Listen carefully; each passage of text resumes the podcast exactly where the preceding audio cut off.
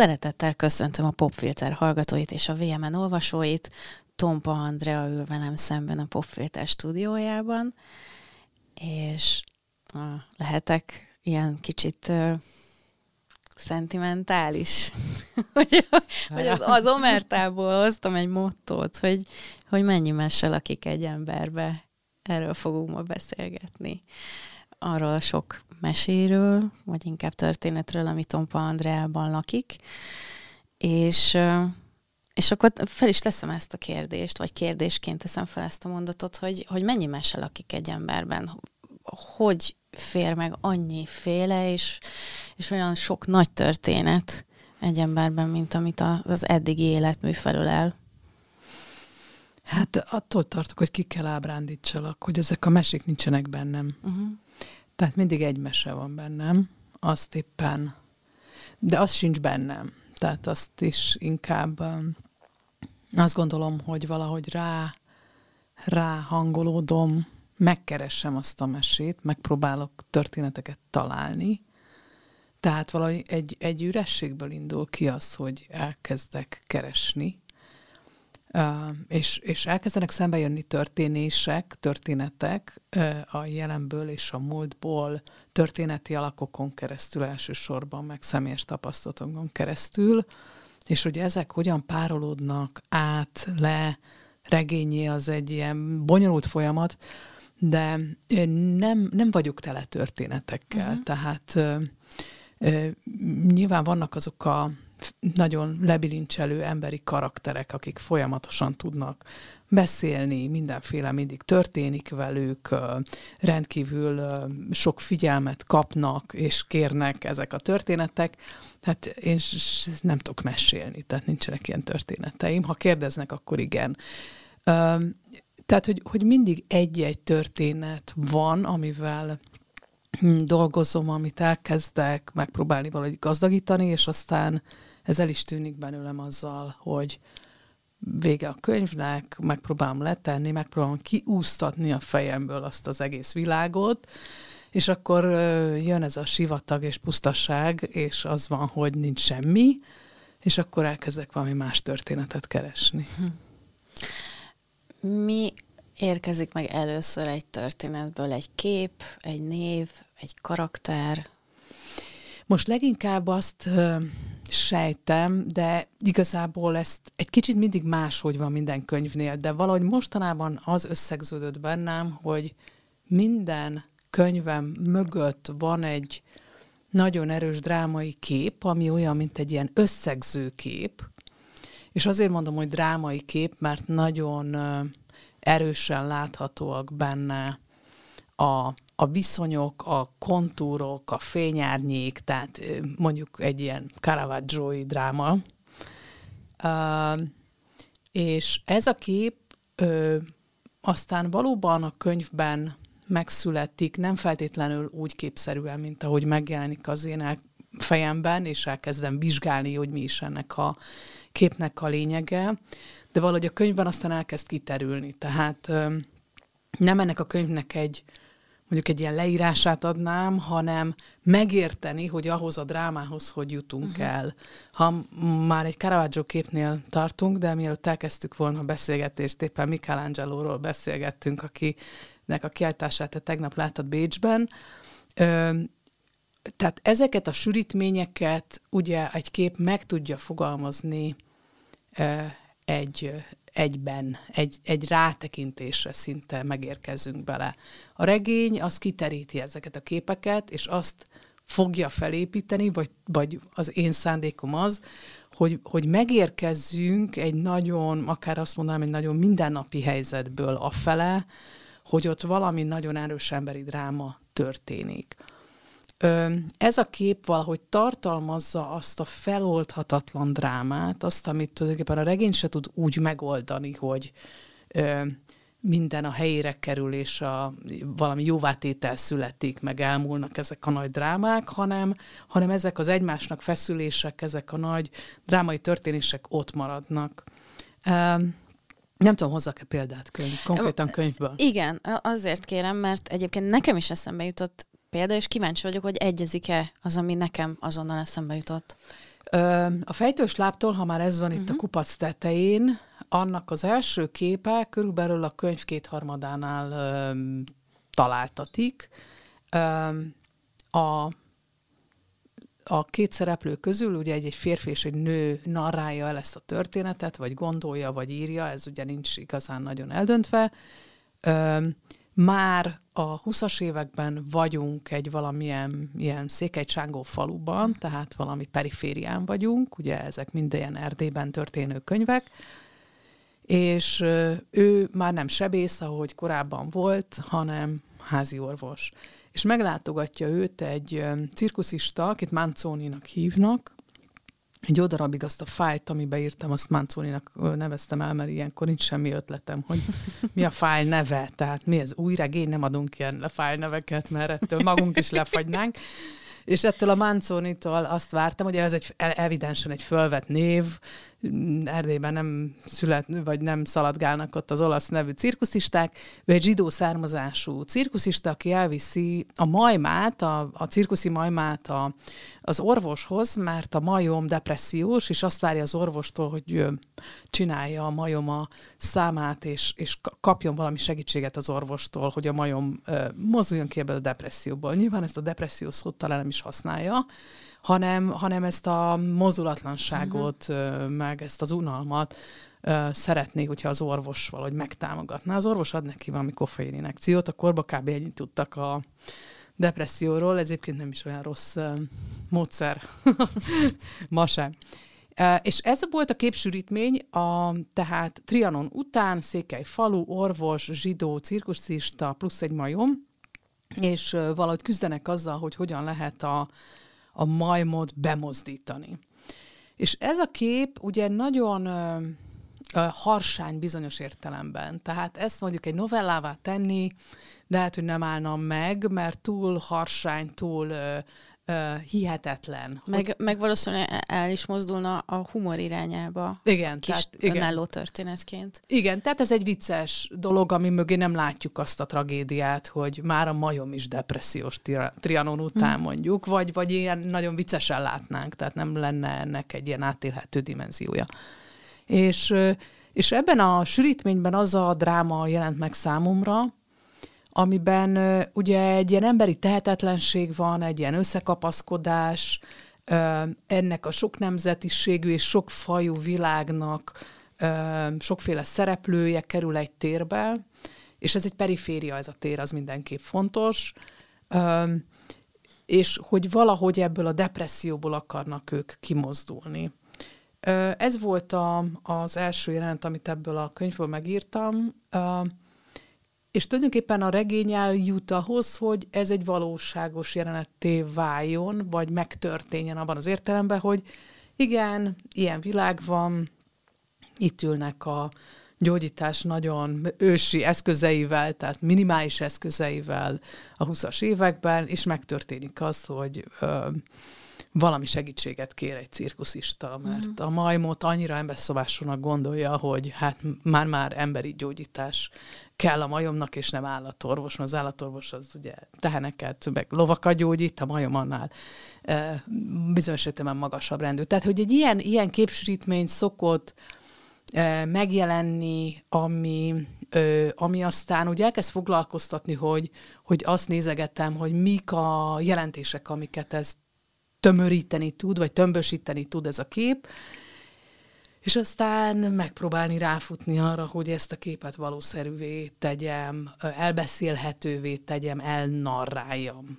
bizonyos értelemben, és ezeket a fényárnyékokat, ha tetszik, vagy valamiket, amik ott ezt a drámát felépítik, azt, azt úgy ö, ö, történetté, nem azt mondom, hogy simítani, mert az, az egy megszüntetése volna Igen. a képnek, hanem hogy történetté tenni én már nekem a, pont a, a legújabb köteted, a Sokszor nem halunk meg nyitó jelenete, vagy nyitó képe, ö, ami akár egy, tényleg egy statikus kép is lehet, hogy visznek egy csecsemőt bebugyolálva, brosúrákkal a háta mögé, tehát brosúrák vannak a háta mögé kötözve, és hogy ki viszi, és hol viszi, és mit csinál, és miért viszi, ez bomlik ki majd később a regényben, de egyébként az Omerta nyitóképe nekem az egyik kedvencem, ahol hajnalban egy falu határában ül egy nő, és kvázi magával beszélget, hogy na most vagy elindulsz, vagy visszamész, de perceken belül el kell döntened, hogy mit csinálj. És közben ez is akár egy ilyen zsánerkép is lehetne, hogy milyen romantikus, hogy valaki ül napfeltekor a falu határában, aztán minden csak nem romantikus az egész.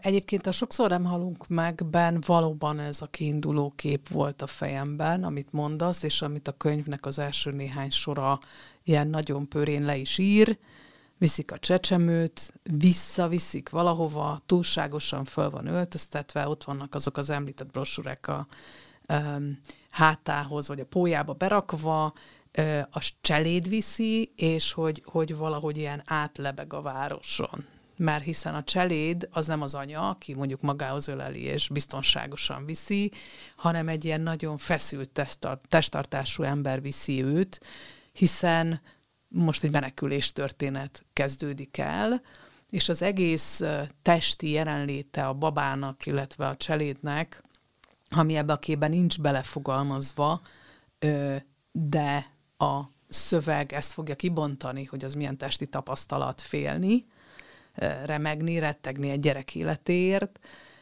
plusz, hogy a gyerek így, ahogy, ahogy átlebegnek a város, ugye fölfele lát, nem lefele. Igen. Tehát egy ilyen lebegést lát, és ő maga is a semmiben kezd el lebegni, és nagyon sokáig fog ebben a semmiben lebegni, élet és halál, anya és anya között, vagy szülőanya és nevelőanya, vagy leendő örökbefogadó anya között. Tehát az egy, az egy olyan képsűrítmény, amiből azt gondoltam, hogy, tulajdonképpen ebből az egész regény kibontható, mert hiszen ez, ez egy valóban egy ilyen élet-halál kérdés. Mm. És ezek a drámai sűrítmények valahogy mindig ebben az élet-halál kérdésben vannak. A, a Kali történet, amire utaz, um, Valószínűleg az, az Omárta ilyen nyitóképére nem emlékszem, vagy, vagy ha igen, akkor ott, ott valami rózsás kép ugrana be, nem most nem törtem a fejem, hogy ott mi lehet de amire utalsz, hogy, hogy egy menekülő nő, akit most éppen frissen megvertek, és majdnem megerőszakoltak, az erőszakos akkorista férje a falu határában ott ül, és tulajdonképpen ott áll egy hosszú út előtt, egy nagy döntés előtt, amelyet azért megelőz már kudarc, egy ilyen képtelenség, hogy elmenjen, elszakadjon ettől a férfitól, az, az megint csak, ahogy ott ül a domboldalon, és mondjuk fejlalja a lábát, mert csizmában jártak az asszonyok, és nem biztos, hogy ezek a csizmák ilyen talpalásra voltak jól kitalálva. Tehát az is egy olyan sűrítmény, amiben egy ilyen nagy életfordulatnak kell ott lennie. Uh-huh. Tehát egy nagy döntésnek, egy nagy drámai döntésnek, hiszen ő nem csak megszabadul a szörnyű férjétől, de ki is szakad abból a biztonságos közegből, ami a falu, az ő ismerős világa, a megtartó közege, tehát jön valami, amiben tulajdonképpen ő is ugyanúgy fog lebegni, mint az előbbi csecsemő. Engem ezek a lebegő helyzetek nagyon érdekelnek, hogy mi van a változásban, vagy mi történik, amikor az ember egy nagyot vált, akkor, akkor milyen kockázatokat vállal. Hát egy másik erős kép, amit anélkül írtam fel itt magamnak a jegyzeteim közé, hogy tudtam volna, hogy erről fogunk most ö, beszélgetni. A, amit én meg is könnyeztem a, az Omártában, amikor a, ugye, ugyanez a Szabó Zöld Kali mm, ott hagyta a férjét, ott hagyta a falut, ö, ami azt gondolom, hogy 40-es, 50-es években egy nagyon-nagyon erős ö, elhatározás önmagában is nagyon sok ö, hátulütője van, tehát az egy, az egy óriási dolog. Ö, házasságon kívül élt valakivel, ö, házasságon kívül született gyermeke valakitől, és az édesanyja, amikor meglátogatja, egyikkel sincs elfoglalva, hanem amiatt zokognak, hogy levetette a, a kali a széki viseletet. Hogy ez is egy kép, és közben egy egész identitás, nem is tudom, változás vagy váltás benne van. Igen, ez a tulajdonképpen ez a falubu város, ugye ez egy nagyon, ez egy óriási lépés, erről te is sokat tudnál mesélni, vagy szoktál. Uh, azt hiszem minden életben, vagy mindenki életében ma is, tehát ez, ez nem egy egyszerű váltás. Uh, és ugye ezek a széki asszonyok, ezek a, a, elsősorban cselédek. Tegnap is láttam a villamoson egy széki asszonyt, felismerhető a ruhájáról. Ugye Konis Péter fotózta őket több hullámban is, még ma is szokta. A, az, hogy valaki leteszi a ruhát, az tulajdonképpen egy ilyen végpontja annak, hogy kiszakadt a közösségből. Mm.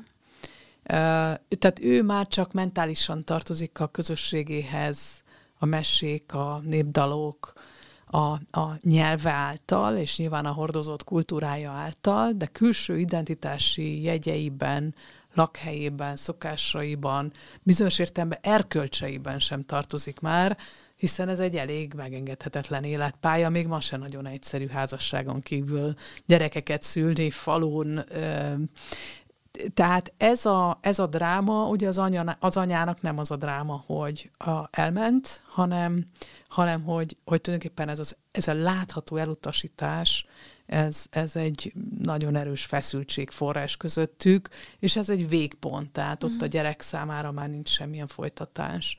És az a ruha letétel végül is ez mindig nagyon foglalkoztat, hogy hogy van vége bizonyos kulturális elemeknek. Tehát Ugye a Kali történetben az is egy fontos mozgatórugó volt, hogy maga a mesemondás is valami olyan kultúra, ami, ami elveszett. Nem, nem, ezt nem jó mondani, hogy elveszett, mert nagyon sok megőrződött ebből, és nagyon sok föl lehet gyűjtve a néprajzosok által, de ez a kultúra ma már nincs, tehát azzal, hogy szólnak a rádiók és televíziók az otthonokban, fölöslegessé vált a mesemondó, és elképzelhetetlen az, hogy emberek együtt dolgoznak, és akár népdalokat énekelnek, vagy meséket mondanak. És tulajdonképpen nagyon nehéz megérteni, hogy mi állt az emberi kultúrában ennek a helyére. Hát a televízió csak valószínűleg nagyon nehéz így a kettőt egyenértékűnek tekintenünk, vagy miközben az egy hatalmas, nagy kulturális lépés is lett, vagy lehetett volna, de eszköze, eszközében valószínűleg nem ezzé vált, ami, uh-huh. amit hordozhatott volna a televízió kultúrája. Tehát, hogy ezek a végpontok, amikor a kultúra fordul vagy változik, az, az mindig nagyon érdekes, mert mindig ott lehet megragadni azt, hogy, hogy milyen időben élünk. Tehát mi az, ami, ami mostantól már nincs. Akár azért tűnik el, mert érték, akár azért tűnik el, mert egy teher, ami, aminek végre megszakad az a fonala, hogy további átörökítő is történjen általa. De ezek a fordulópontok, ugye ez mindig itt a fordulat, mondta Arisztotelész a poétikában, az a az hordozza a tragédiát. Tehát mindig a fordulatban dől el az, hogy milyen a hős, hogy dönt, milyen a mentalitása, hogy cselekszik, amikor döntési helyzet van. És az is egy, tulajdonképpen ez, én, én olyan könyvet nem írtam, ami kifejezetten a faluhoz kötődik, az mindig izgat, amikor a falu városnak ezek a határátlépései megtörténnek, meg vagy össze is mosódnak bizonyos értelme kulturálisan, hiszen az elmúlt évszázad erről is szólt, hogy, hogy sokkal átjárhatóbbá váltak bizonyos határok, és persze sokkal kijelöltebbek is váltak bizonyos határok, és akkor ezek az átlépések, ezek a drámai átlépések, ezek nagyon izgatnak. A másik, amit nagyon szeretek, amikor egy, tehát indirekt módon bomlik ki valakinek a, a jelleme a történeteidben. És most a fejtősláptól elején a levél, az, a, az egyik főszereplő édesapjának a levele az, ami eszembe jutott, hogy ö, tulajdonképpen tényleg csak egy, csak egy levelet olvasunk, de abban benne van minden, amit nekünk dióhéjban tudni kell az édesapáról. Az, hogy ő mennyire nagy ellenszemvel viseltetik Budapest iránt, nem engedi oda egyetemre a gyerekét, benne van az idegen gyűlölettől, a, hát igazából nagyon sok minden. Tényleg a, a, a komplet jellemrajzot megkapjuk, miközben egyáltalán nem szájbarágós. Az érdekel, hogy, hogy ezeket hogyan, hogyan lehet előre tehát vagy nem is tudom, hogy ki lehet ezt tervelni, vagy menet közben jönnek azok a fordulatok, hogy hoppá, akkor itt ezt bele tudom rakni, ezt a jellemvonást, vagy egyszerűen csak adja magát, hogy ez az apa ilyen, akkor biztos még ennek is bele kell kerülnie ebbe a levélbe. Azt hiszem, hogy amikor, megint csak azt kell mondom, azt hiszem, olyan, mint hogyha nem írtam volna ezek a kö, ezeket a könyveket, de ebben van valami, mert e- egyszerűen így elmúlik az, hogy azt hogy írtam, és, és a következőt meg máshogy írom. Ahogy a szerkesztőm Nagybog Lárka szokta mondani, ezt a könyvet most tanulod írni. Tehát ez azt jelenti, hogy nincs egy készen, egy receptkönyv, amit leveszek, és akkor ja, ezt úgy szoktam csinálni, hogy mert ezt az anyagot nem tudom, hogy kell csinálni. Tehát valami olyasmi szokott lenni, hogy elkezdek szereplőket fölvázolni. Ugye attól függően, hogy éppen milyen könyvről van szó, mikor többet, mikor kevesebbet, és ahogy az ember bátorodik, meg szerez valami tapasztalatot az írásban, egyre több különböző karakter tud mozgatni, és több bonyolultabb viszony tud fölrakni. És ebben én kifejezetten így egy ilyen haladásban vagyok, hogy így mondjam.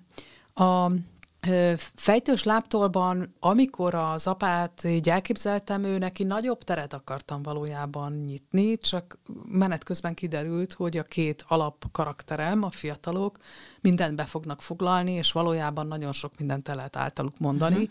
Így aztán ők egy kicsit, tehát a többi szereplő egy kicsit fogyni kezdett, és, és nem váltak valójában versenytársaivá a, a nagy központi karaktereknek.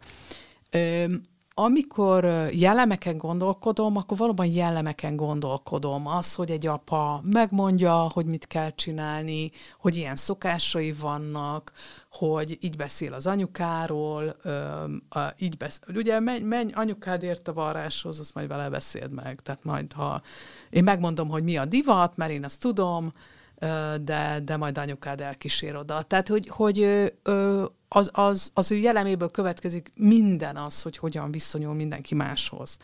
Azonban az irodalom csak uh, szituációkról tud szólni. Mm. Tehát nagyon unalmas uh, azt a fajta irodalmat olvasni, amikor az író valami külsődleges eszközökkel elkezd valakiről jellemrajzot adni. Tehát az, az, az nem fog bennünk megszületni, hogy aha, ő ilyen. Mert az olvasóban kell megszületni annak, hogy milyen ez a karakter, hogy ja, hát ja, ő egy vadászat, vadászatból jön, tehát ő vadászik. Tehát megint ez a ugye férfi macsó ideál, a lövünk puskával. Aztán ad is a nőgyűlöletnek rendesen Igen. benne. Igen. uh, és uh, igazából az, hogy milyen szituációvá tud lefordulni, a hogyan cselekszik, tehát megint csak a jó Arisztotelészhez fordulok, a, a, a művészetes cselekvés, a tragédias cselekvőhősök, tehát ha, ha az a kérdés, hogy mi a fontosabb, az, hogy milyen a hős, vagy hogy cselekszik, Arisztotelész erre azt mondja, hogy hogy cselekszik. Uh-huh. És ezt azért szerettem nagyon ezt az állítást, mert tulajdonképpen a hogy cselekszikből vissza tudunk mindent olvasni arra, hogy ő milyen ember.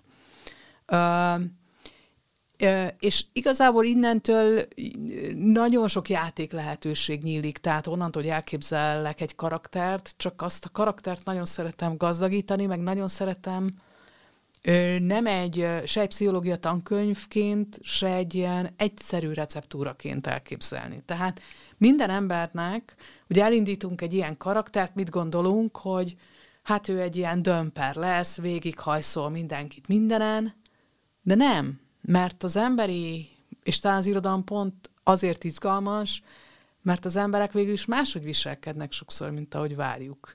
Tehát azt gondolom, hogy tudom, hogy ő milyen lesz, de a mafiózó, aki egyébként minden lányokat futtat, ez velünk konkrétan megtörtént ez a történet, amit mesélek, senki nem akart felvenni egy esős délután, amikor a kutyánkat baleset érte, és fölvett egy fekete hatalmas autó, benne egy kopasz mafiózó, aki meg, amikor megkérdeztük, hogy mit csinál, azt mondta, hogy lányokkal dolgozom, így a két szó között megállt, tehát hmm. világos volt, hogy lányokat futtat, de van egy tacskója, akit nagyon szeret, és látta, hogy ölünkben van egy kutya.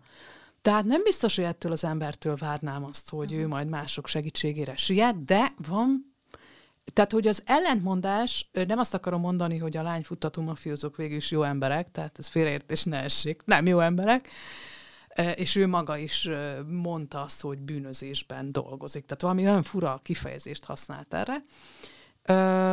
De hogy az emberekben van egy ilyen ellentmondás is sokszor, ami, ami kiszámíthatatlanná teszi őket, és ez az apa, akkor, amikor megtudja a fia, mégis csak el akar menni a háborúba, akkor nem úgy fog viselkedni, hogy várnánk, hogy hurrá nekem milyen ö, majdnem azt mondtam, hogy fasza. Mit mondjunk? Lehet mondani. Lehet. Lehet mondani ezt, hú, milyen fasza legény az én fiam, jól megneveltem, és akkor mégiscsak kemény csávó. Ugye a fiú is azt várná az apjától, hogy na most akkor elismerést kap tőle, de nem, hanem azt gondolja, hogy te jó Isten, lehet, hogy az egyetlen gyerekemet lelövik a háborúban. A, amúgy győztes, mindjárt győztes háborúban.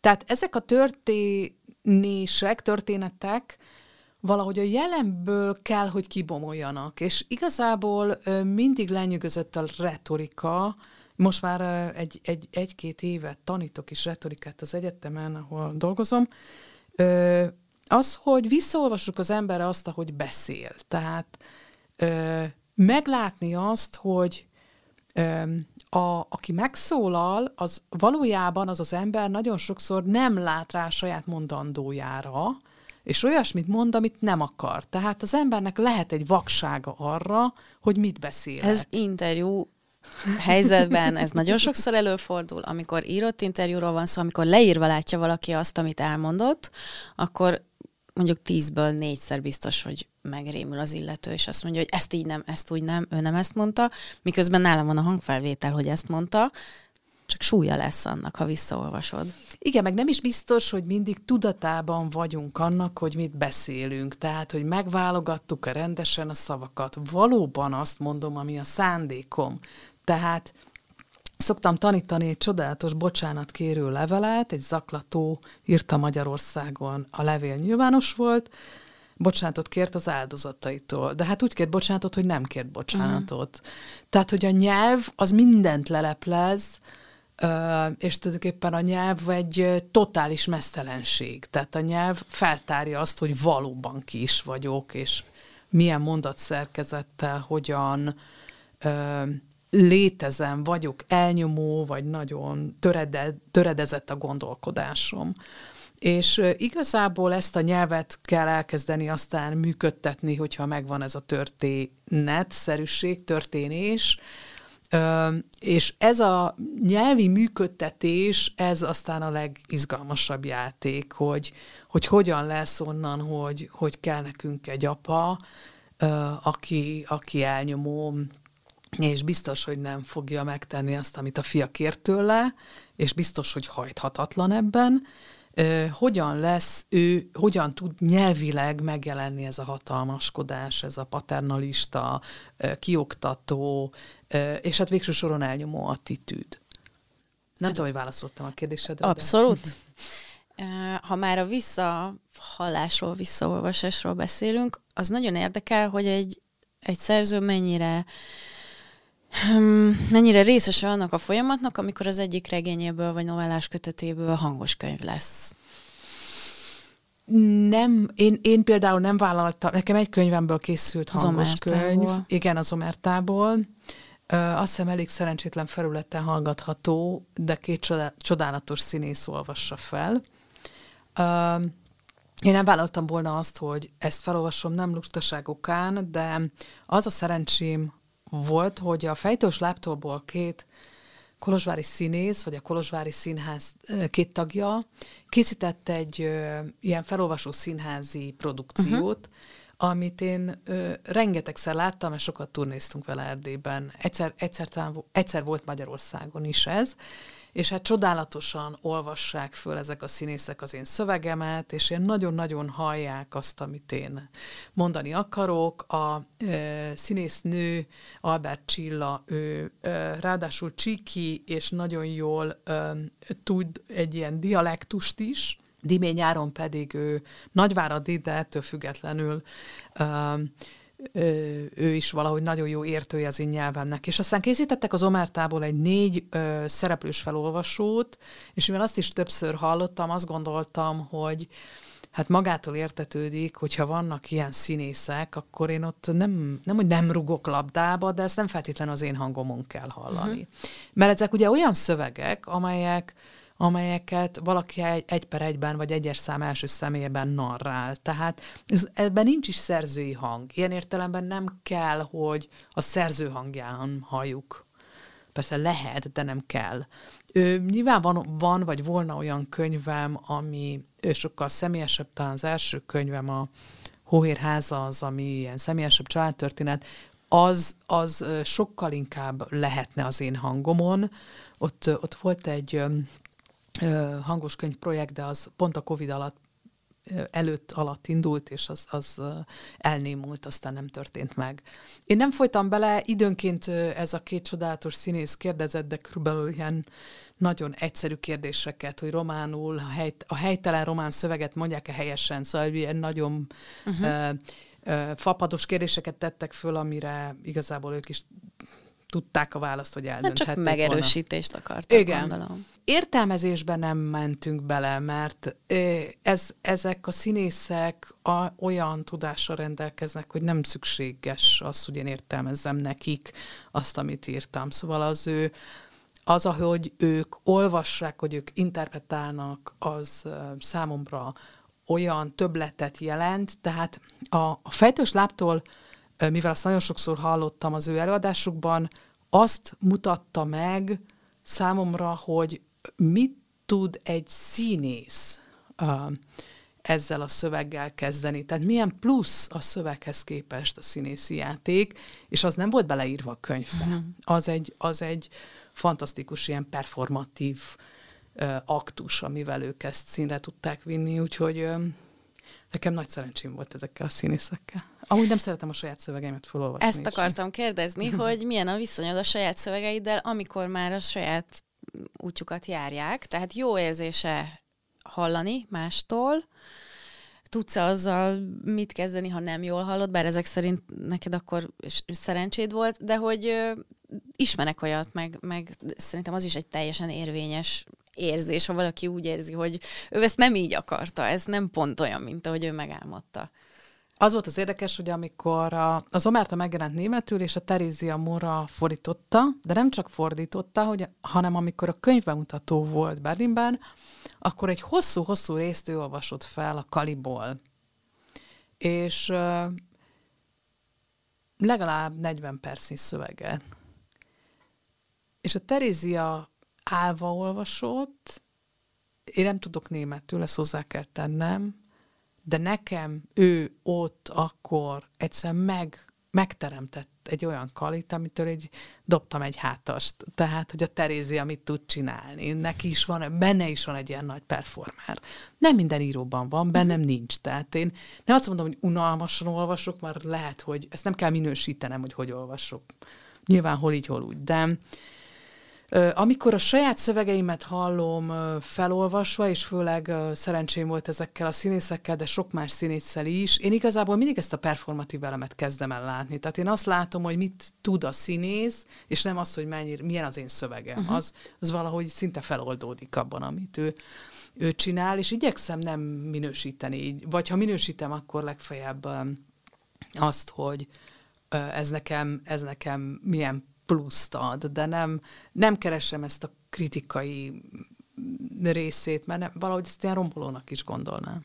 Ez azért érdekes, mert azért itt érzek egy, hogy is mondjam, egy identitás hát ha nem is zavart, de hogy, hogy azért itt lehetne sok kérdőjel, hogy a, mondjuk a színi kritikus mit kezd azzal, amikor az ő szépirodalmi szövegét viszik színre, még akkor is, ha nem klasszikus formában, hanem felolvasó színházként. Tehát, hogy itt azért úgy érzem, hogy van mit kibontani ebben a érzéskörben. Nem, nem működik bennem a színi kritikus ilyenkor, teljesen elhal. Szóval nem érzem azt, hogy én azt meg tudnám ítélni, uh-huh. és ezért nem is akarom. Így le van csavarva teljesen a kritikusnak a hangereje, hogy így mondjam bennem. Azt mondtad egy podcastben nemrég, hogy az írás a számodra játszótér, ahol, vagy játszótér volt a kezdetekkor, ahol szabadon lehetett létezni. Hogyha valakinek van egy olyan eddigi életműve, mint neked, és olyan ö, könyveket ír, mint te, és e- ezt kifejezetten arra értem, hogy milyen aprólékossággal, mennyi történelmi tudás van ezekben a szövegekben megírva, akkor úgy képzelem, hogy ez már elég távol került a játszótértől. Hogy van-e, vagy volt-e neked egy olyan pont, ahol érezted, hogy belépett a felelősség ebbe a térbe, és onnantól más, hogy működsz alkotóként? Igazából a játszótér az megmaradt. A játszótér az, hogy az érdeklődésem szabadon fordul ide vagy oda, az maga a játszótér. Tehát, hogy az érdeklődésemet nem valami külsődleges dolog irányítja, nem egy, egy feladat, mint mondjuk az egyetemi órák megtartása, meg az arra való felkészülés valamilyen olyan tananyaggal, ami, ami az kell, hogy legyen, tehát abban azért nem lehet nagyon attól eltérni. Tehát ilyen értelemben a játszótér az a szabadság, hogy csak arról írok, amihez közön van, ami mélyen érdekel, ami, és ezt az, ezt az érdeklődést elég könnyen le tudom mérni, például abban, hogy ott van-e állandóan a gondolatom, ott, ott kapirgál-e, ott, ott keresgél-e. Ha ez nem így van, akkor valószínűleg nem izgat eléggé, és akkor azt el is kell, vagy el is lehet vetni. Ö, van egy másik, van valami, ami, ami így sokszor kedvem szegi, inkább talán így fogalmaznék, és pont ma pufogtam a kedves szerkesztőmnek, hogy miért kérdezi meg mindenki, most nem előre szaladva, és azt kérve tőle, hogy ezt ne kérdezd meg, de mindenki megkérdezi, hogy írok-e most, írom-e már a következő. Ez nagyon nyomasztó kérdés. Én ezt soha nem teszem fel, mert, mert tudom, hogy mennyire nyomasztó. Szörnyű. És, de hiszen azt akarom mondani, hogy hát nézzetek már a polcra, írtam 2000 oldalt, legalább. Többet. Többet, igen. igen. Szóval, hogy így, ez nem, ez nem elég, vagy, vagy olvashatok el még egyszer, vagy olvashatok más. Tehát így, mintha ez nem lenne egyrészt elég. Tehát, hogy van ez a termelési nyomasztás, de ez nem a, ki, nem a kiadóból jön, és nem a szerkesztés. Nem, ez a társadalmunkban van. Igen, igen, ez a termelni, csinálni, tehát ha, ha azt gondolnám, hogy lehet, hogy nekem most öt év pihenő kell ahhoz, hogy meg elvonulni, meg gondolkodni, érnek-e új benyomások, jut-e még eszembe valami, és lehet, hogy nem jut eszembe semmi. De eddig meg egy pár dolog eszembe jutott, uh-huh. tehát a, ezzel is békével lett lenni. Szóval, hogy nem, ez nyoma azt, hogy nem lehet azt mondani, hogy ezek itt vannak, ez most legyen elég. Uh-huh és van, hogy ez el, lehet, hogy ez elég, lehet, hogy nincs tovább, nem tudom, most se nem ígérem, se nem cáfolom azt, hogy van tovább. Ö, ezt nehéz kivenni a fejemből, és ö, ö, nem nyomasztónak érzem, hanem inkább ez, amikor, amikor szembesülök ezzel a kérdéssel, az abban az értelemben szegi kedvem, mint hogyha az, az állna mögötte, hogy egyrészt ez nem elég, és csak akkor vagy író, ha egy ilyen termelésben, folyamatos termelésben vagy benne, és nem elfogadható az, hogy de jó Isten, nem csak semmit. Hmm. Nem akarok csinálni semmit. Végzem a másfajta dolgaimat. Mondjuk rám ez sajnos nem jellemző, és szeretnék nem csinálni semmit, de miközben, tehát minden könyvem között azt gondoltam, hogy na most tartok másfél év szünetet, az jó lesz. De nem tartottam, mert nem tudtam megállítani azt a vágyat, hogy belefogjak valamibe, keressek valamit, hát írni szeretek a legjobban a világon. Most ez ilyen egyszerű. Tehát aki írni szeret a legjobban a világon, Lubitsch Szilvia futni szeret a legjobban a világon. Tehát ő futni fog. Én meg írni szeretek a legjobban a világon, nem nagyon tudok szüneteket tartani, de szeretnék. Hát, ha most, ahogy öregszem, már lassan összejön. Szóval ez a, ezt jó lenne valahogy így lehalkítani, és örülni annak, hogy egyáltalán ezek a könyvek. Örülni vagy nem örülni, nem elvárás az öröm, de hogy ezek megvannak, és akkor ez valami. De néha azt érzem, hogy de akkor ez semmi, majd most jön a nem tudom mi. Hát nem jön már. Vagy jött, vagy nem jön. Plusz én úgy érzem, hogy az írásnak egy jelentős része, és most lényegileg mindegy, hogy szépírásról beszélünk, újságcikkekről beszélünk, bármiről, az írásnak egy szerintem nagyobbik része az láthatatlan munka. Tehát nem, a, nem az a munkának az oroszlán része, amikor az ember ott ül, és nyomkodja a billentyűzetet, vagy a, a kéziratot írja kézzel, hanem az, hogy előtte összegyűjt információkat, érzéseket, képeket, adatokat. Tehát rengeteg olyan dolog van, amit kívülálló nem lát ebből, csak az eredményt látja a polcon, vagy a könyvemutatón. És ez, ez úgy érzem, hogy ez tényleg nyomasztó, hogy lehet, hogy ez egy egyoldalas újságcikk, de hogy mögötte mondjuk 25 színházi előadást láttam, meg 30 könyvet olvastam el ebben a témában. Igen, az is van ö, szerintem az írással kapcsolatban, hogy az, az írást azt nem tekintjük, a társadalom nem tekinti igazán munkának. Hát Tehát hát igen. Egyszer érzem azt, hogy az embernek csodálnak, másrészt megvetnek. Ö, tehát ö, ebben van egy olyan tehát az, az irítségben nyilván van egy olyan momentum, hogy az ember úgy tűnik, mintha szabad lenne, és az életét szabadon él, és gyakorlatilag soha nem csinál semmit. Kicsit ír, és aztán abból lesz valami. Te írogatsz még? Te írogatsz még, Ezt igen. még, ne, kérlek, mondd, hogy tőled már nem szokták ezt kérdezni. Hát azért úgy, szerintem még pont tavaly írtam egyszer ki ezt a nagyon szűkös, privát közönségemnek ezt az írogatsz még tavaly még így jött egyszer, de lehet, hogy most már lassan ennek vége kinövök belőle. De ezen szoktunk nevetgélni az írogatsz még kérdésen. Tehát, hogy van egy ilyen kép arról, hogy, hogy ez semmit tevés. Tehát általában ugye a művészet csinálás az egy nagy semmit tevés, és a léhák szórakozása. Másrészt nyilván van egy ilyen csodálat is, hogy az valami nagyon misztikus, az ilyen megragadhatatlan, zsenik csinálják, vagy nem tudom mi, ami szintén nevetséges, mert az én életem bizonyos értelme nem különbözik egy könyvelőjétől, tehát elmegy a gyerekem az iskolába, a férjem is elment dolgozni, most éppen nem, és akkor én is leülök, és ott elkezdek valami matatást, vagy nem tudom, valamit ott, kö- azt szoktam mondani, hogy körözök valami fölött. Tehát oh, szeretnék valamire lecsapni, de sose tudom, hogy mire és az hol van. Tehát egy sas, ami próbál sas, hát magam, én is a sas, tehát az egeret a mezőn, de nem tudja, hogy hol az egér.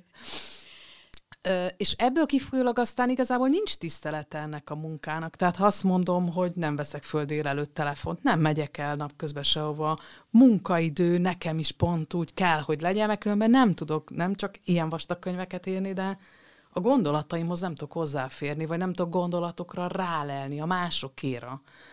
És valóban olyan értelemben láthatatlan munka, hogy lehet, hogy elmegyek sétálni, vagy, vagy a kertet kapirgálom, és közben töprengek dolgokon, uh-huh. mert töprengés nélkül nem születik meg semmi, és néha nehéz ezt, ezt a kivívni ezt a tiszteletét a munkaidőnek. Tehát nem, nem kell a munkámat tisztelni, vagy, vagy csak annyira, mint minden más munkát a világon, ami elvileg haszt, hasznot hajt, bár az enyém nem tudom miért, de hogy a munka idő tisztelete például az egy nagyon, nagyon nehezen megvívható csata.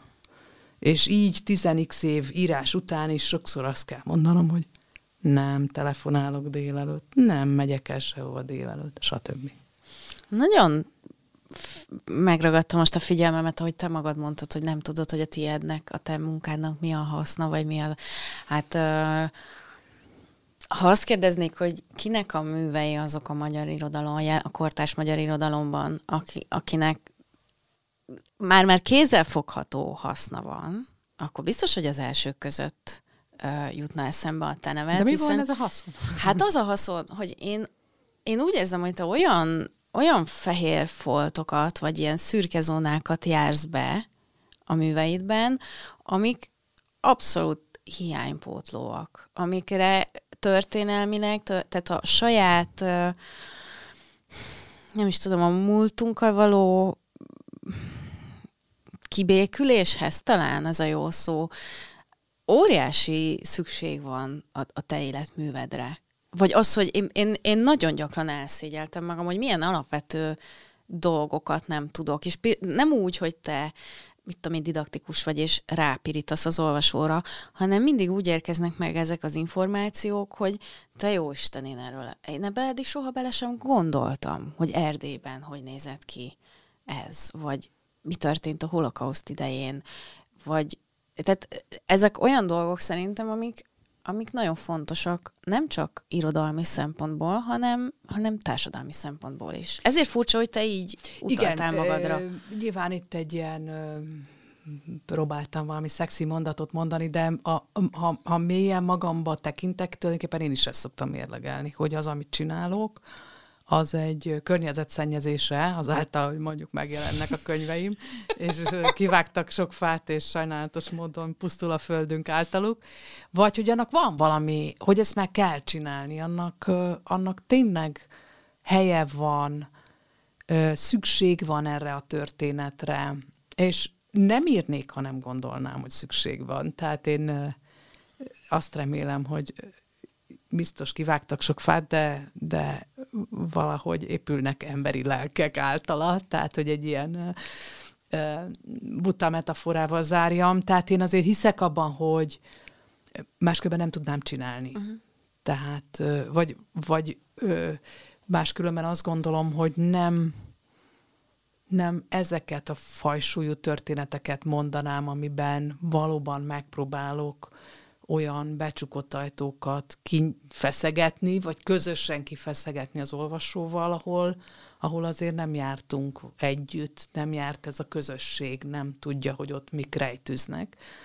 És ezt azt gondolom, hogy ezt együtt feszegetjük, tehát ez az olvasó is kell. Tehát én ebben valójában hiszek, hogy ez nem egy haszontalan dolog, de nyilván nagyon nehéz ö, egy olyan világban, egy olyan országban, ahol nagyon kis tisztelete van ö, a múltunk megértésének, ö, annak, annak a megértésnek, hogy az ember bonyolult, és sokféle, és nagyon változatos, ö, hogy ez ö, művészetet művelni minden körülmények között érték, tehát ez az ország most igazából minket mentálisan abban nem segít, hogy elhiggyük, hogy ezek fontos dolgok. Hát csak a muníciót adja hozzá kell, hogy legyen mit. A másik, ami az Élet meg minden podcastben elhangzott, és elgondolkodtatott, hogy nem emlékszem a pontos fogalmazásra, nem szó szerint foglak idézni, de hogy te úgy érzed, hogy nem teheted meg íróként, hogy, hogy nem beszélsz társadalmi, közéleti dolgokról, hogy nem foglalsz állást, és ez nyilván történelmileg így volt mindig, hogy az, az írók, a költők, a korábbi évtizedekben akár más ö, művészek, tehát képzőművészek véleménye is fontos volt.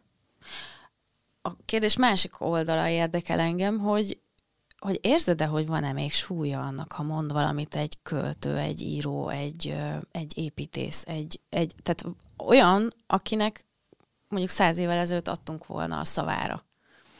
Hát nehéz ezt érezni, és igazából most, hogy előhoztad ezt a kérdést, pont azt próbáltam a fejemben így visszagörgetni, szó szerint visszagörgetni, mondjuk a saját e, írói Facebook oldalamon, hogy mikor volt utoljára az, hogy valami valami érdemi megszólalásom volt, hát elég, elég régen, mert nem azt gondolom, hogy a szavaink higultak föl, hanem teljesen reménytelenül egy süket szobában élek, vagy élünk, amiben igazából nincs, aki meghallja azt a ö, kiabálást, de ha kiabálni nem is szoktam, de azokat az állításokat, vagy vitás kérdéseket. De azt kell mondanom, hogy um, egy kicsit rejtettebb módon, tehát nem feltétlenül ilyen közéleti megszólalásaim vannak, de rejtettebb módon vitázom emberekkel,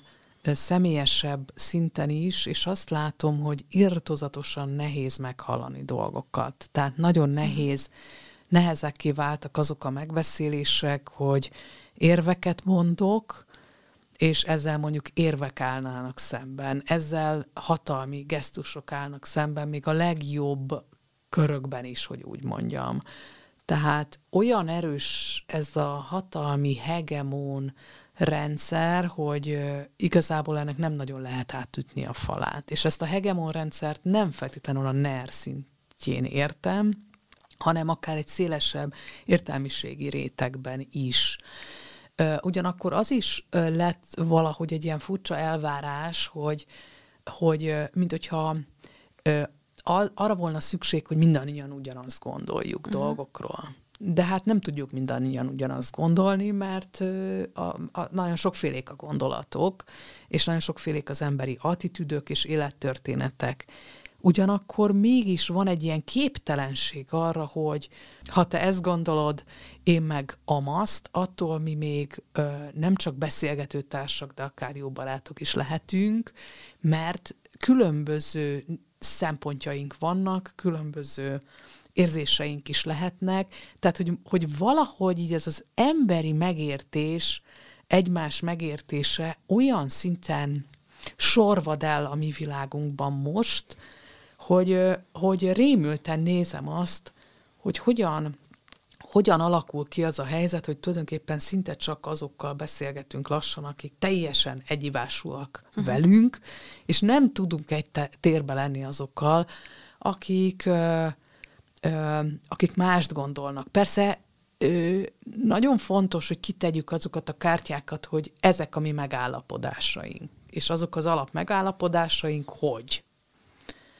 mert bizonyos, ha, ezeket a megállapodásokat nem írjuk alá, akkor nincs miről beszélgetni. Tehát ha nők nem emberek, például, most itt talán ezt helyén való mondani, ilyen vitám zajlott le nem olyan régen, tehát ha nők nem olyan emberek, akiknek a hangját meg kell hallani, akkor nem nagyon tudunk beszélgetni. Tehát akkor nem, én nem indulok el onnan, antiszemitákkal se szoktam beszélgetni. Tehát nem Nincs, nincs. A megállapodásnak a minimumát valahogy légtre kell hozni. De visszatérve a kérdésedre, én szerintem, ö, bár én az elmúlt években bizonyos dolgokhoz hozzászóltam, akkor, amikor úgy éreztem, hogy belül nagyon feszít ö, valami, és mondanom kell. Ugyanakkor persze sokszor éreztem azt is, hogy van egy várakozás ö, kívülről azzal kapcsolatban, hogy mondjál valamit erről, reagálj erre. Szét, verik szét a, nem tudom, civil szervezeteket, ugye a korai NER korszak, épül le a színházi rendszer, foglalnak el mindent, de nem lehetett mindenhez hozzászólni ott sem, mert a különben az embernek a véleménye már ö, teljesen, vagyis ilyen felhígul, ilyen, mm, keresem a szót, inflálódik, ezt akartam uh-huh. mondani, inflálódik a szavunk.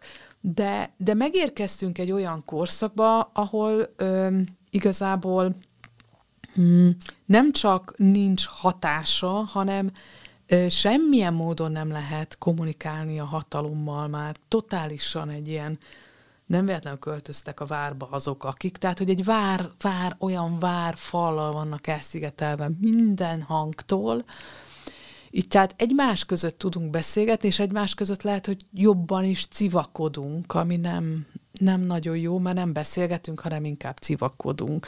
És aztán lassan az ember azt érzi, hogy, hogy nem, nem kell beszélgetni, vagy nem tudunk a nyilvános terekben beszélgetni, és azok a helyek meg nincsenek, amit nagyon hiányolnék, hogy van valamilyen közeg, közösség, ahol valóban beszélgetni lehet és olyan módon, hogy ott nem valami megmondó emberek ülnek a színpadon, hanem, hanem sokféle hang és sokféle nézőpont le tud egymással ülni, és egymást meghallani. Az jutott erről eszembe, hogy ez a fajta elvárás, amit említesz, hogy na mondjál már valamit, én már erről írtam egyszer a, a, a szerzői Facebook oldalon, hogy ez egy nagyon könnyű kibúvó sok, sokaknak, hogy na majd a Tompa Andrea úgyis megírja, én megosztom, jönnek rá a lájkok, és akkor megtettem, amit a haza megkövetelt. Én ebben nagyon sokszor bántalmazási témában például beleesek, hogy majd a csepeit úgyis segberúgdossák miattam, mert ő már megint a, a hiperfeminista álláspontját hozza, megosztom, és akkor az én lelkiismeretem tiszta. Most nyilván sarkítok. De hogy létezik ez a fajta elvárás, hogy mondjál már valamit, és közben már azt gondolom, hogy az is megjelent, hogy még időt sincs átgondolni, hogy mit akarsz mondani, de már leharapják a fejed, hogy miért nem mondtál semmit. Igen, mondjuk annyiban tudtam egy dolog elébe menni, hogy az én oldalamra már nem lehet üzenetet küldeni. Bölcs döntés, már én is közel állok ehhez. Hát nekem azért ez eljött, tehát igazából azt hiszem a, a pontot az íre, az a, az ember tette föl. Ő, már a Meseország is egy ilyen határeset volt. Ott nagyon minden meseországos, mert ugye szerzője vagyok a meseországnak, minden meseországos posztom az arról, az egy profiltisztítással járt, hogy így mondjam, tehát embereket kellett szépen kitiltani. Nevetünk, nevetünk, de közben ez azért szörnyű, siralmas. Szörnyű, szörnyű gyűlöletbeszéd kezdett el ott a, működni az oldalon, és üzenetek, de a legutóbbi választás után ö, írtam egy rövid, ö, keserű, mm, igazából ö, majdnem sztoikus, de keserű hangvételű szöveget, amit valaki ö, írt egy személyes üzenetet az, hogy kidobta a kukába a könyveimet. És ez volt az a pont, amikor azt gondoltam, hogy ugye ez majdnem a ledarálás, de még nem, hát ugye remélem szelektíven dobta ki, válaszoltam neki. Uh, szóval, hogy ez, ez, ez nagyon rossz itt szerzőként azért, tehát most így én is viccesnek találom, de azért, amikor az embernek kidobják a könyveit, az szar. Tehát az, hogyha 100 forintért eladják az piacon, az még hagyják, de ez nem volt jó. És azt gondoltam, hogy nem mindenről kell nekem tudnom. Tehát uh-huh. nekem nem kell mindenről tudnom, ami a könyveimmel történik. Ahhoz ö, ö, és, és hogy valahogy így elejét venni annak, hogy több gyűlöletbeszéd, több személyes értegetés. Persze azt is kell mondanom, hogy több elismeréstől is elzártam magam, mert nagyon sok szép olvasói levél érkezett oda, de mindegy, jól van ez így, bizonyos részét a világnak nem kell, vagy nem hallom meg. Abban igazad van, hogy lehet egy ilyen nyomás. Én megpróbálok mindig legalább egy, egy alvásnyi időt adni annak, hogy ez engem valóban feszített. Tehát nem írok dűből, soha nem írok uh-huh. dűből, és a legocsmányabb levélre se válaszol. Általában azokra semennyire se szoktam válaszolni, de de a nagyon bántó levelekre is 24 órán, minimum 24 órán túl válaszolok, uh-huh. mert muszáj átgondolni azt, tehát igazából a bántalmazóval sem lehet szerintem ugyanazzal a bántalmazó hangnemmel hangnemben válaszolni, tehát ez, ezt az átgondoltságot szeretem, amire egy írótársam pont múlt héten mondta, hogy hát ez már, neki ez már már túl sima, mondtam, hogy jó, de én így tudok üzemelni. Tehát, hogy ezek nem, nem elég kardosak, nem elég harciasak. Hát én nem vagyok egy ilyen macsetés lánya őserdőben. A másik, ami eszembe jutott, hogy annak idején a Népszabadság bezárásakor nekünk volt egy egyezményünk, vagy nem is tudom, ez a paktum, amit te is mondtál, hogy alá kellett írni, képzeletben nyilván, hogy nyilván egy 70 plusz fős szerkesztőségben nem lesz mindenkinek azonnal munkája, nem lesz mindenkinek ott munkája, ahol szeretné, és nem biztos, hogy mindenkinek ugyanazok a motivációi, vagy a lehetőségei, vagy a körülményei, és hogy mi megállapodtunk abban, hogy nem ítélkezünk egymás fölött, teljesen mindegy, hogy kit hova sodor, nyilván a bizonyos standardeken belül nem fogunk ítélkezni. És ö, emlékszem a, a posztodra, amikor azt mondtad, hogy a, a jelenkor kiadónál maradsz, mert neked a szerkesztőt személye, azok az emberekkel, akikkel együtt dolgozol, az ő ö, személyük garancia neked arra, hogy, ö, hogy itt neked maradásod van. De azért úgy képzelem, hogy ez is ez is szül olyan párbeszédeket, akár, akár civilben, akár nem tudom, hivatalos levelezésben, vagy tehát, hogy ez, ez azért egy komoly uh, támadási felület. Jaj, persze, tehát igazából amiután az MCC megvette a Librit, azután jöttek azok a típusú üzenetek, hogy na, na, és most, most, most persze, és akkor az, azok az elvárások, hogy azonnal kapjam a sátorfámat, és menjek valahova. Uh, és igazából egy csomó ilyen rossz uh, magyarázkodásba is bele uh, sodorhatott volna ez a, uh, ez a kényszer, hogy uh, nekem muszáj ezzel kapcsolatban megnyilvánulnom. Uh, egy kicsit gondolkodtam azon, hogy mi az, amit én ez ügyben mondani akarok, uh-huh. és hát ennyit tudtam mondani. Uh, őszintén szólva uh, nagyon bőgnék, ha szét kellene válnom a jelenkor kiadótól és a mai uh, kiadóvezetőtől, Nagy Boglárkától, akivel minden könyvemet együtt csináltuk. Szóval ez, ez uh, sokszor szoktam mondani, hogy ő azért valamiképpen tettestársa az én könyveimnek, tehát nehéz elképzelnem nélküle a, a, az írást. Um, és azt hiszem, hogy ö, ö, megint ez a, ez a kívülről jövő nyomás, ez is egy olyan ö, ö, zavar, zavar az ember fejében, amit muszáj lehalkítani ahhoz, hogy tudjak üzemelni, tudjak gondolkodni a feladataimon, a könyveimen, amit csinálni szeretnék, a helyemen egyáltalán így ö, íróként. Szóval ebben hoztam egy döntést, uh-huh. és ezt a döntést akkor fogom megváltoztatni, amikor ennek eljött az ideje. Ez, e, ez lehet ma, lehet bármikor. Sajnos azt kell mondanom, hogy bármikor lehet. De ö, ehhez addig tartom magam, amíg nekem engem nem folytogat semmi belül, és nem mondja azt, hogy itt nem lehet tovább megmaradni. De nyilvánvalóan ezek a, ezek a, tehát a működésünk sajnos, és különösen a Facebook ebből a szempontból nagyon kényes, kétes hely, tehát nagyon könnyen ilyen, ilyen felelőtlen, alig arcot követelő üzeneteket lehet küldözgetni egymásnak, mondjuk én nem szoktam ilyet csinálni, de hogy nagyon könnyű így ostorozni a másikat ö, ezen a felületen, és érdekes módon ott jönnek ezek az üzenetek, tehát nem kaptam személyes levele, megkereső levelet valaki névvel, és ír egy e-mailt, hogy de hogy képzeled, kedves Tompa André, hogy ezek után ott vagy. Tehát, hogy ennek, ennek ez a nagyon könnyű, beszólogatós ö, hely a, a tere, ahol, ahol így lehet a másik emberrel bánni. És persze senki nem kérdezte meg részleteiben, hogy de miért hozok ilyen döntést, vagy miért hozok másféle döntést. Soha nem szokták.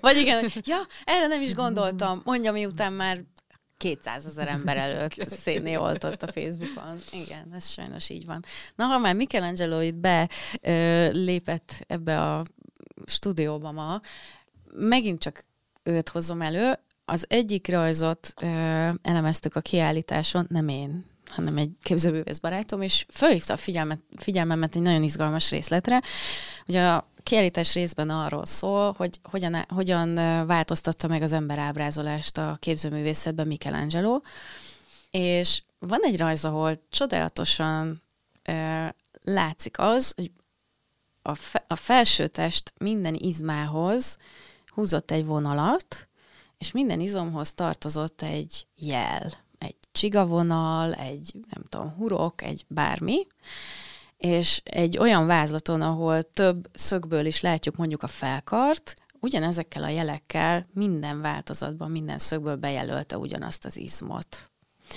És azt mondta a képzőművész barátom, hogy szerintem ez azért van, már nyilván értjük, hogy azért, hogy, hogy anatómiailag pontos legyen az ábrázolása, de hogy azért nem neveket írt, azért nem szavakat írt, hanem jeleket, mert nem akarta, hogy mások ezt a tudást ilyen nagyon egyértelműen elsajátíthassák. Hiszen még az anatómia tankönyvek bizonyos izmokat, erről én is láttam, bocsáss meg, hogy közbevágtam, pont Michelangelo esetében bizonyos izmokat az anatómia tankönyvek akkor még nem is írtak le, tehát nem volt még nevük azoknak az izmoknak, és ő előbb e, tudta megrajzolni őket, mint a tankönyvek. Igen, tehát vagy, vagy nem volt rá szava, vagy nem akarta e, mindenki számára hozzáférhetővé tenni ezt a tudást, hm, lehet, hogy inkább az előző.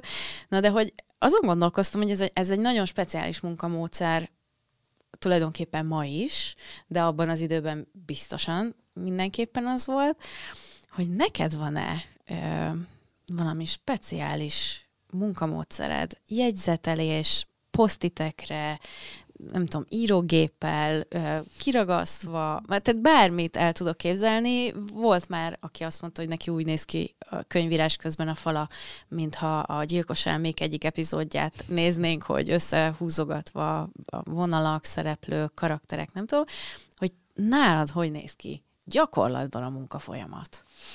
Ö, reagálhatok erre a michelangelo hasonlatra? Nekem volt egy előadásom, egy angol nyelvű előadásom a CEUN, amikor ott ösztendíjas voltam, ilyen, arról, hogy én hogyan írok, és a, a lapockán lévő egyik olyan izmot mutattam be, ami Michelangelo egyik szobrán már ö, ott van, de az anatómia tankönyvek ugye csak száz év múlva írják le azt az izmot, és az, arra hoztam föl példát, példaként ezt a, a művészet és a tudomány viszonyát, hogy a művészet mindig ezt a láthatatlan teszi láthatóvá. Uh-huh.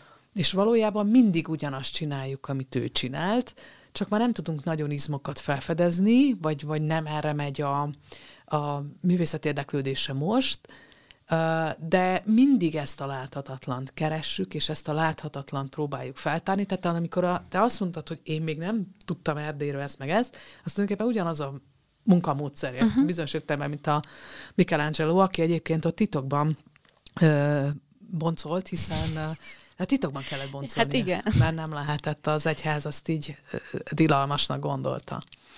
Ö, azt mondtam, hogy minden könyvet most tanulok írni, tehát igazából minden könyvhöz van egy saját munkamódszer, de ami őket ö, nagyjából hasonlóvá teszi az, hogy van ö, kétfajta jegyzetapparátusom, az egyik, ö, és ezeket párhuzamosan ö, működtetem, az egyik, ö, ezt kézzel írom. Uh-huh. Ö, most már, ö, most először csináltam is megtanultam ilyen füzetet kötni, vagy, vagy előállítani egy füzetet. Nagyon szerettem ezeket a drága füzeteket megvenni, de az még izgalmasabb, amikor én magam ragazgatok egy ilyen füzetet. és most előállítottam egy ilyen füzetet, ami egy kicsit félelmetes dolog, hogy úristen, csináltam egy füzetet arra, hogy regényt írjak bele. De ezek még csak a jegyzetei a valaminek. A, a, jegyzetaparátus két része, az egyik mindig a szellemi rész és a történeti rész. A szellemi rész alatt azt értem, hogy ha én valamivel foglalkozom, akkor azt elkezdem ilyen nagyon-nagyon-nagyon tágasan keresgélni. Tehát nem csak lokálisan ott, abban a térben és az időben, amiről majd a regény szólni fog, hanem elkezdek filozófiát olvasni, meg teológiát, meg művészetelméletet, meg bármi mást, tehát antropológiát, stb. És akkor oda készítek különböző jegyzeteket, amelyek teljesen ilyen összefüggéstelen dolgokat mutatnak, de az én fejemben azért azok hálózatosodnak valamilyen módon.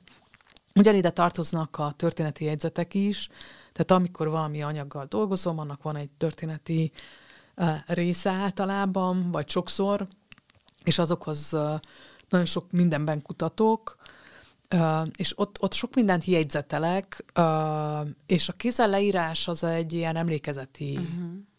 azért írunk kézzel, mert az tulajdonképpen azzal tanulunk, tehát valószínűleg a gépírás emlékezetünk még nem annyira erős, mint a kézírás emlékezet. Az biztos, hogy nem. Amit kézzel leírok, arra emlékszem, de van olyan cikkem, ami konkrétan, hogy Jézusom, ki írt ez? De ismerős.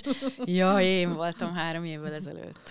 Igen, mert, mert valószínűleg ez történetileg, tehát máshogy van az agyban valahogy behúzalozva, meg történetileg is máshogy alakult, tehát biztos van valami kutatás és magyarázata, hogy, hogy az egyik miért, itt azt jobban meg lehet testileg is élni a, jegy, a kézi, kézírást.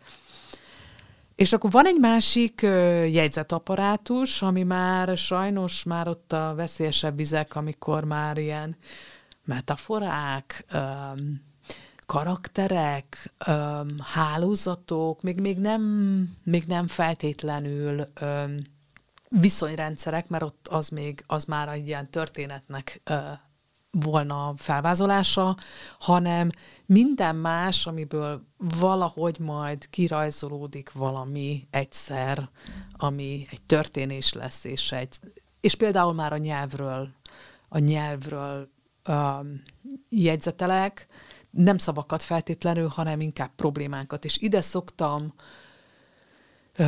ez egy külön, hogy is mondjam, ilyen alfejezete ennek, amikor magam olyan kérdésekkel bombázom, amire tényleg nem tudom a választ, tehát olyan nyílt kérdések, amelyek, amelyek nem könnyen eldönthetőek, etikus-e az, hogy. Uh-huh.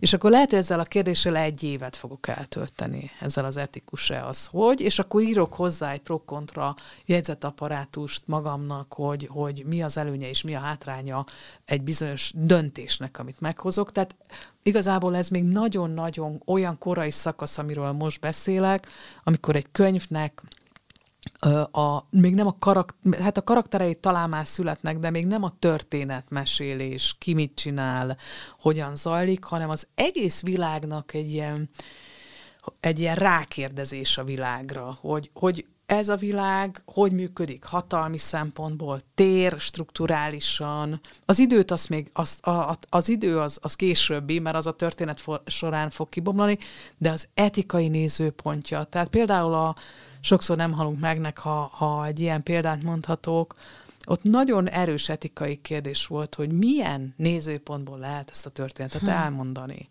Lehetek én egy veszélyben lévő zsidó kisbaba 1944-ben egy per egyben egy egyes szem első szemű elbeszélőként? Hát nem nagyon lehetek-e én embermentő cseléd, aki ilyen veszélybe sodorja magát? Hát azért az nem volna nagyon etikus uh-huh. magam ilyen helyzetbe hozni. Lehetek-e én az áldozatok közül egy? Nyilván nem. Tehát, hogy ezek a, és ez még nem, tehát igazából a nemek kijelölése, lehet, hogy te valami egyszerűbb válaszra vártál, és én, én így filozofálok. Nem. Soha nem várok egyszerű válaszra. Jó, hát engem igazából ez, ez nagyon izgatta, ezeknek, ezek a filozófiai feszítő kérdések, mert ezeket ki kell jelölni, hogy ide nem megyünk, kérem szépen. Mm-hmm. Ezt nem fogok nőket ábrázolni, alávetett, megalázott, megsemmisített helyzetben. Az érdekel, hogy a nagyon rossz helyzetekből hogyan tudják mégis egy kicsit valahogy kiszakítani magukat. Ezért nem fogok áldozatokat ábrázolni. Például ez egy, ez egy kijelölés egy szövegben. Lehet ilyen nőt ábrázolni, vagy sem? Ha lehet, akkor etikus-e csak őt ábrázolni, vagy kell nekem más olyan szereplő, amely egy kicsit helyre billenti azt, uh-huh. hogy, hogy mit gondolunk a nőkről most, hiszen ezek a könyvek hiába játszódnak valamikor, ezek mégiscsak a jelen művei. Tehát ilyen kérdésekkel bombázom magam, és ehhez keresek sok ilyen olyan szellemi muníciót, ami bemozdítja ezt, a, ezt az iszabban ragadt hajót, ami van a fejemben, és megpróbáljuk vízre tolni. Mondjuk így. Szóval nagyon sok jegyzetelés, írtosok füzettel leírva, hülyeségekkel, színekkel, ragaszgatással, újabban képekkel is, tehát én magam is szeretek rajzolni, és másoltam Michelangelo rajzokat. És akkor ezek a képek sokszor arra jók, hogy így elmélkedem, miközben rajzolok azon, hogy de mit is akarok, ez most, ez most mit tud megragadni, tehát ilyen elmélkedésekre használni. Tehát nem a képeket, tehát nem a szereplőket ábrázolom, vagy ilyesmi, hanem inkább egy ilyen elmélkedési folyamatban.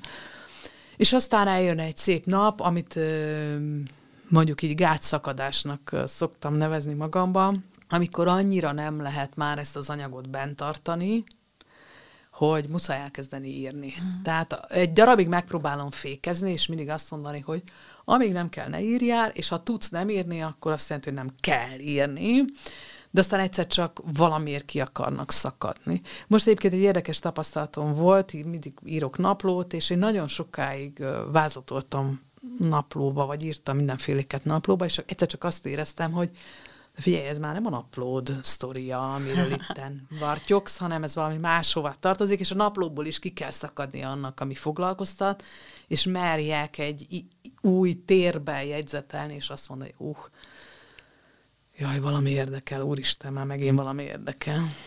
Na és mi a helyzet fordítva, amikor nem kiveszed a saját ö, történetet mondjuk a naplódból, hanem ö, oda kívánkozik egy már készülő szövegbe valami a saját életedből, egy olyan szövegben, ami nem önéletrajzi ö, regény. Tehát mennyire könnyen engeded bele a saját megéléseidet, saját történeteidet egy, egy más történetbe? Hát azt hiszem, hogy ahhoz, hogy ezek a könyvek valamelyest működjenek, és ezek a szereplők éljenek, Uh, én egy kicsit mindenkiben ott kell legyek. Mm. Így, így fejben is, meg egy picit meg is kell szeretnem még a legrettenetesebb embereket is. Mert nagyon-nagyon rettenetes nagy gonoszokról én nem szoktam írni, hozzáteszem.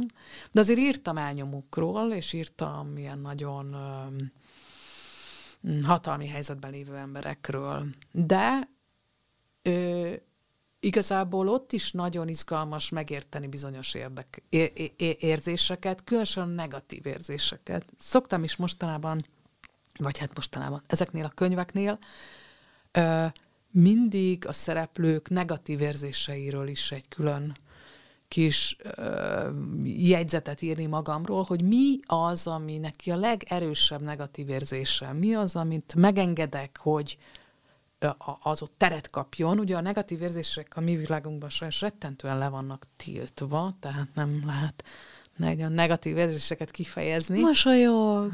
igen, igen. Uh, de például az Omertában megélni Vilmosnak az irítségét, uh-huh. Hát aki nem volt irigy soha, az biztos, hogy minimum szent, de, ha, de lehet, hogy vannak ilyen emberek. Uh, irítséget megélni belül, megtapasztalni azt, hogy mi az, hogy irítség, mikor élek át irítséget, milyen szituáció mozdítja be bennem az irítséget, az, azért nagyon izgalmas, mert, mert akkor a Vilmos irítségét tudom nagyon közel engedni magamhoz, vagy fordítva én megyek közel hozzá. De hát ez biztos, hogy az én, én anyagomból van megírva, hogy így mondjam. A Vilmos sikerre vágyik. Ugye ez egy megengedett dolog, de akkor ha ma, így a mi világunkban, sőt el, el is várt, de akkor, hogyha ez a siker nagyon kemény kompromisszumokkal jár együtt, akkor az már egy kérdéses dolog. De Vilmos a hatalommal nagyon szépen kokettál és összejátszik a saját sikerei érdekében. Hát ezt is valahonnan azért ismerem, és meg tudom élni.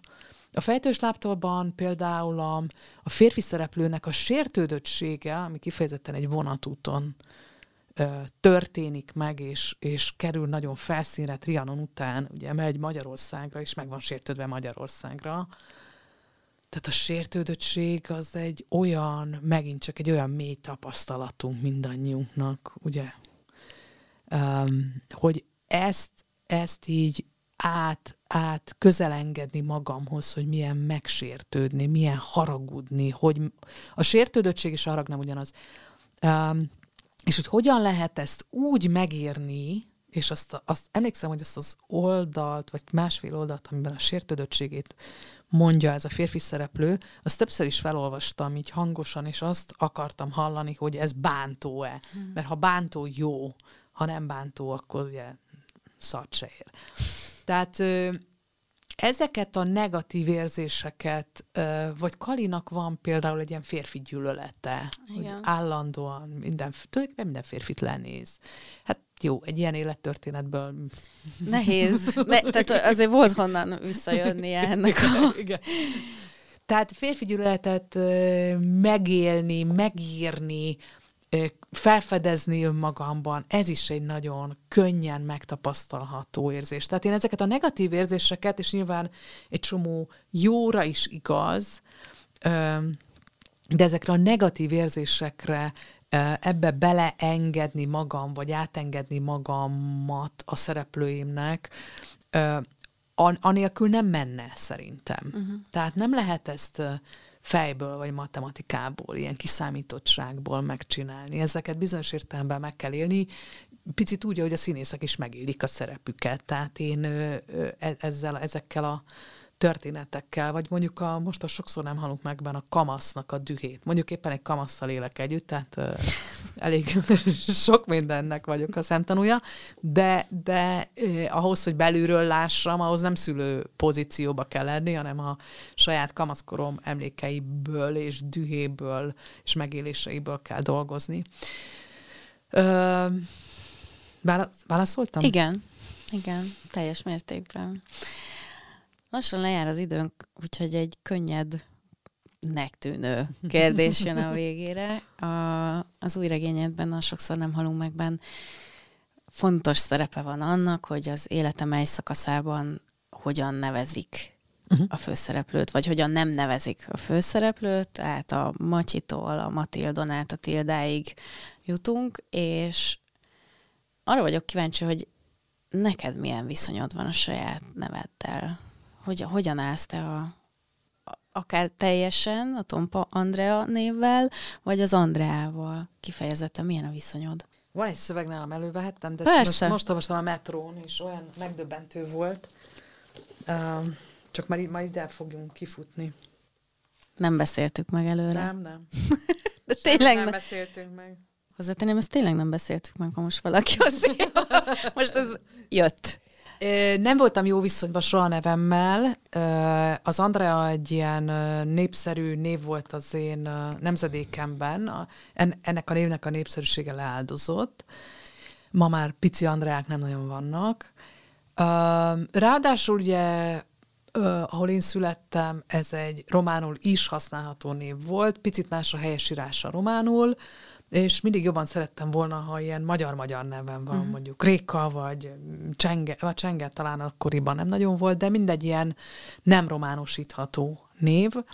Ráadásul mindig utáltam ezt az Andit, mindenki, sokan andiznak még, és igazából sokszor így, így kikérem magamnak, de aztán is fáradok, mert ez is egy ilyen modoros uh-huh. dologgá válik, tehát ha valakik Andinak látnak, akkor jó, akkor ez van.